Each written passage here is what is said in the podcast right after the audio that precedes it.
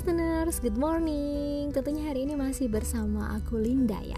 Dan hari ini aku akan membahas something yang benar-benar very very important buat kalian semua yang ada di luar sana dan tentunya buat aku juga secara pribadi.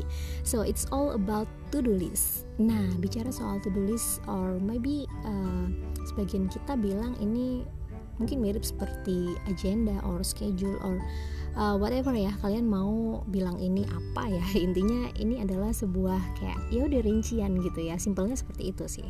So mungkin beberapa orang dari kalian menganggap uh, ini nggak terlalu menjadi something yang urgent banget sih ya dalam hidup. Tapi bagi sebagian orang juga aku rasa menganggap uh, sebagian dari hidupnya uh, itu sudah apa ya Oke, okay, maksudku gini sih ya. Sebagian orang menganggap bahwa to-do list ini merupakan sebuah lifestyle dalam hidupnya. Nah, itu kayaknya lebih baik. Oke, okay, so ini aku akan lebih menekankan tentang uh, to-do list ini. So, lima hal penting ya membuat to-do list biar waktu kita tidak terbuang dengan percuma. Alright, jadi sebagian dari kita pasti udah tahu kan bahwa ada pepatah yang bilang time is money. Yang menurutku itu benar sih ya, karena waktu memang menjadi hal yang sangat berharga dalam hidup ini. Banyak banget kesempatan yang bisa hilang kalau kita tidak bisa memanfaatkan waktu dengan tepat. Jangan sampai nanti ketika usia kita udah tua kayak gitu kan, tapi kita baru menyesal kenapa ya dulu waktu muda nggak begini begini begini. Nah itu udah lewat ya, udah penyesalan itu memang selalu datang belakangan. So, yang bisa kita lakukan adalah mendisiplinkan diri dengan membuat to-do list. Nah, to-do list ini sebenarnya ya simpelnya sebuah panduan ya supaya kegiatan kita itu tetap on the track. So, guys, uh, beberapa hal yang mau aku bagikan ke kalian hari ini adalah yang pertama adalah kenali batas kemampuanmu. So, uh, menurutku sih mengenali kemampuan diri sendiri itu penting banget ya dalam membuat to-do list. Jangan sampai to-do list yang kalian buat itu melebihi kemampuan kalian untuk melakukannya. Daripada membuat list yang muluk-muluk, lebih baik uh, membuat list yang benar-benar bisa kalian capai day by day. Jadi nggak muluk-muluk dan nggak mubazir buat kalian sendiri kayak gitu. And then next nikmati prosesnya. Nah simpelnya kayak gini sih. Uh, for example, you have an idea, and then uh, make to-do list and then setelah selesai membuat to-do list doing ya lakukan itu gitu. Lakukan apa yang sudah kalian buat di to-do list tadi. And then after that ya all is done kayak gitu kan. Semuanya sudah terlaksana dengan baik kayak gitu. Karena untuk mencapai cita-cita yang kita impikan tentunya itu akan melalui proses yang gak sebentar guys. Itu gak instan gak membutuhkan waktu satu jam dua jam tiga jam. No no no no, no. itu benar-benar membutuhkan waktu yang panjang dan kalian harus disiplin kayak gitu Um, so melakukan secara bertahap dan menikmati prosesnya itu sih menurutku benar-benar sangat-sangat penting ya.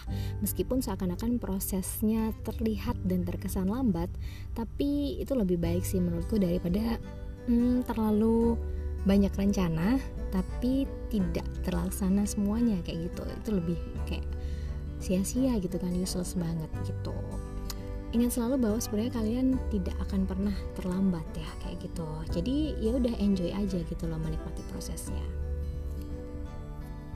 And then selanjutnya adalah beri jeda untuk refreshing. Ayo, siapa di antara kita semua dan kalian pendengar yang ada di sana yang gak suka refreshing? Aku rasa semua ya pasti suka bahkan sangat-sangat menantikan yang namanya refreshing. Jadi istirahat atau refreshing ini menurutku sangat-sangat penting dan merupakan kebutuhan juga ya.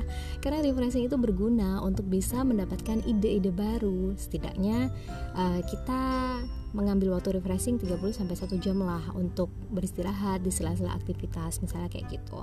Tapi perlu juga diingat bahwa jangan terlalu uh, take overtime ya karena kadang kalau udah gila kerja dalam tanda kutip ya itu kadang suka lupa ngapa-ngapain suka lupa juga memberikan reward pada diri sendiri. Nah itu bahaya. Nanti lama-lama bisa tidak menghargai hidup diri sendiri ya kayak gitu. Jadi itu benar-benar uh, kebangetan sih kalau menurutku. Jadi ingat selalu sisihkan waktu kalian untuk berefreshing karena itu penting guys. Dan itu harus. Aku bilang kenapa ini harus?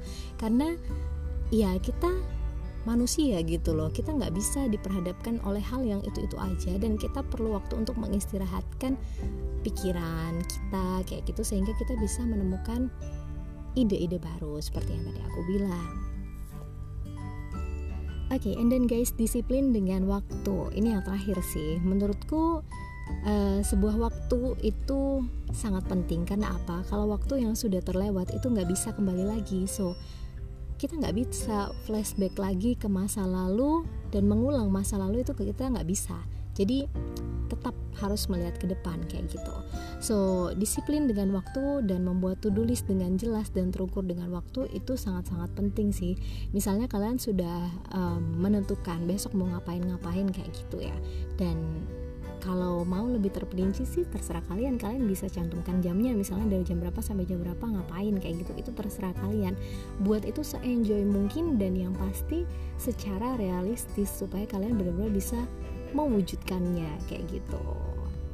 Nah seber, uh, sebenarnya ada satu hal lagi sih tentang list ini bahwa kadang sebagian orang nggak bisa mengerjakan segala sesuatu dengan multitasking ya. So buat kalian yang nggak bisa mengerjakan segala sesuatunya dengan multitasking, kalian bisa um, menjalaninya kayak one by one kayak gitu. Jadi fokus kepada satu hal sehingga satu hal itu juga bisa terlaksana dengan baik. But kalau kalian memang lebih enjoy menikmati multitasking itu ya itu lebih baik sih karena kalian bisa mengerjakan banyak hal di waktu yang singkat dan hasilnya juga lebih baik. Seperti itu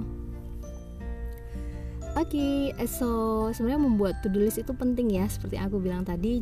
Jika kalian sudah terbiasa dan sudah menikmatinya. Karena seperti aku aku semua semua aku bikin to do list sih. Kayak misalnya mau belanja aja aku bawa catatan supaya nggak mau basir nanti bolak balik kayak gitu. Itu males banget kan kayak gitu. Kemudian pekerjaan yang seabrek itu pun bisa terselesaikan one by one kayak gitu. Karena aku sudah membuat to do list jadi aku bisa membedakan mana sih kerjaan yang urgentnya lebih uh, ini lebih nih kayak gitu. Jadi benar-benar urgent dan mana yang aku bisa kesampingkan nomor dua kayak gitu. So menurutku ini penting banget tapi mungkin aku aku rasa nggak sebagian orang merasa membuat to list ini something yang benar-benar penting dalam hidupnya. Kayak tadi aku bilang bukan suatu yang urgent bagi sebagian orang karena masih banyak juga orang yang merasa uh, melakukan segala sesuatu dengan on the spot itu lebih nyaman. Jadi nggak apa-apa sih aku nggak menyalahkan hal itu karena sebenarnya kita manusia kan berbeda-beda so buat kalian yang merasa to-do list itu penting Aku rasa tips ini penting juga buat kalian dan bermanfaat untuk kalian. So, semoga informasi ini bermanfaat untuk kita semua di mana pun saat ini kalian juga berada dan mendengarkan podcast ini. Jangan lupa untuk selalu mendengarkan podcast ini dan sampai jumpa di episode selanjutnya. Bye bye.